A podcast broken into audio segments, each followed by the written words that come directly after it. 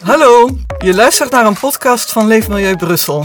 Vandaag gaan we het hebben over de luchtkwaliteit. Het is een heel actueel thema en belangrijk, want er is een rechtstreekse link met onze gezondheid. In 2020 hebben lokale partners, universiteiten, milieuverenigingen en burgergroeperingen zich verenigd in het Brussels Clean Air Partnership. Ze willen samen de luchtkwaliteit in Brussel verbeteren, met name via participatieve projecten. We spreken erover met Priscilla de Klerk. Zij is analist luchtkwaliteit bij Leefmilieu Brussel. Eh, Priscilla, kun jij ons uitleggen wat dit partnerschap allemaal doet? Deze unieke samenwerking van drie jaar, bestaande uit verschillende actoren uit diverse niveaus van de gemeenschap, zorgt voor een ondersteuning van de inspanningen van de overheid om te vechten tegen de luchtvervuiling. Anderzijds biedt het ook een ondersteuning van de activiteiten van Leefmilieu Brussel op vlak van de monitoring, het beheer en de verbetering van de luchtkwaliteit. Binnen het Brussels Clean Air Partnership worden zes projecten gefinancierd. Kun je daar iets meer over vertellen? Jazeker. Het betreft drie categorieën van projecten. En eerste projecten zijn eh, monitoringprojecten, uh, namelijk het project van Les Chercheurs d'Air, waarbij vrijwilligers gedurende één jaar NO2-concentraties gaan meten op 50 meetpunten. Een tweede project is het Remote Sensing project, waarbij de, um, door middel van portieken de reële uitstoot van voertuigen op de weg wordt gemeten. In een tweede categorie van projecten hebben we de projecten die kijken naar de evaluatie van de gezondheid. En daar hebben we enerzijds het Humane Biomonitoring project, waarbij de schadelijke effecten van een langdurige blootstelling aan vervuilde lucht op de gezondheid van 220 eh, schoolkinderen wordt gemonitord, gemeten. Een tweede project eh, binnen deze categorie is het eh, modelleringsproject, waarbij een tool wordt ontwikkeld om de evaluatie van impactscenario's voor emissies te evalueren. Een derde categorie betreft de sensibiliseringsprojecten. En hier hebben we enerzijds het Babbelair-project.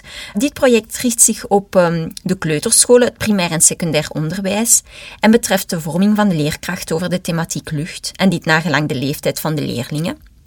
En als laatste project hebben we het Curieuze Neuzen, onder leiding van het Bralle en Universiteit van Antwerpen, waarbij door een, een Nederlandstalige en Franstalige mediacampagne 3000 passieve tubes worden uitgedeeld aan vrijwillige deelnemers om NO2-concentraties gedurende één maand te meten.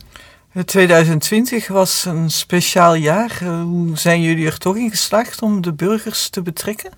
Daar haal ik graag het uh, voorbeeld aan van het project van Les Chercheurs d'Air.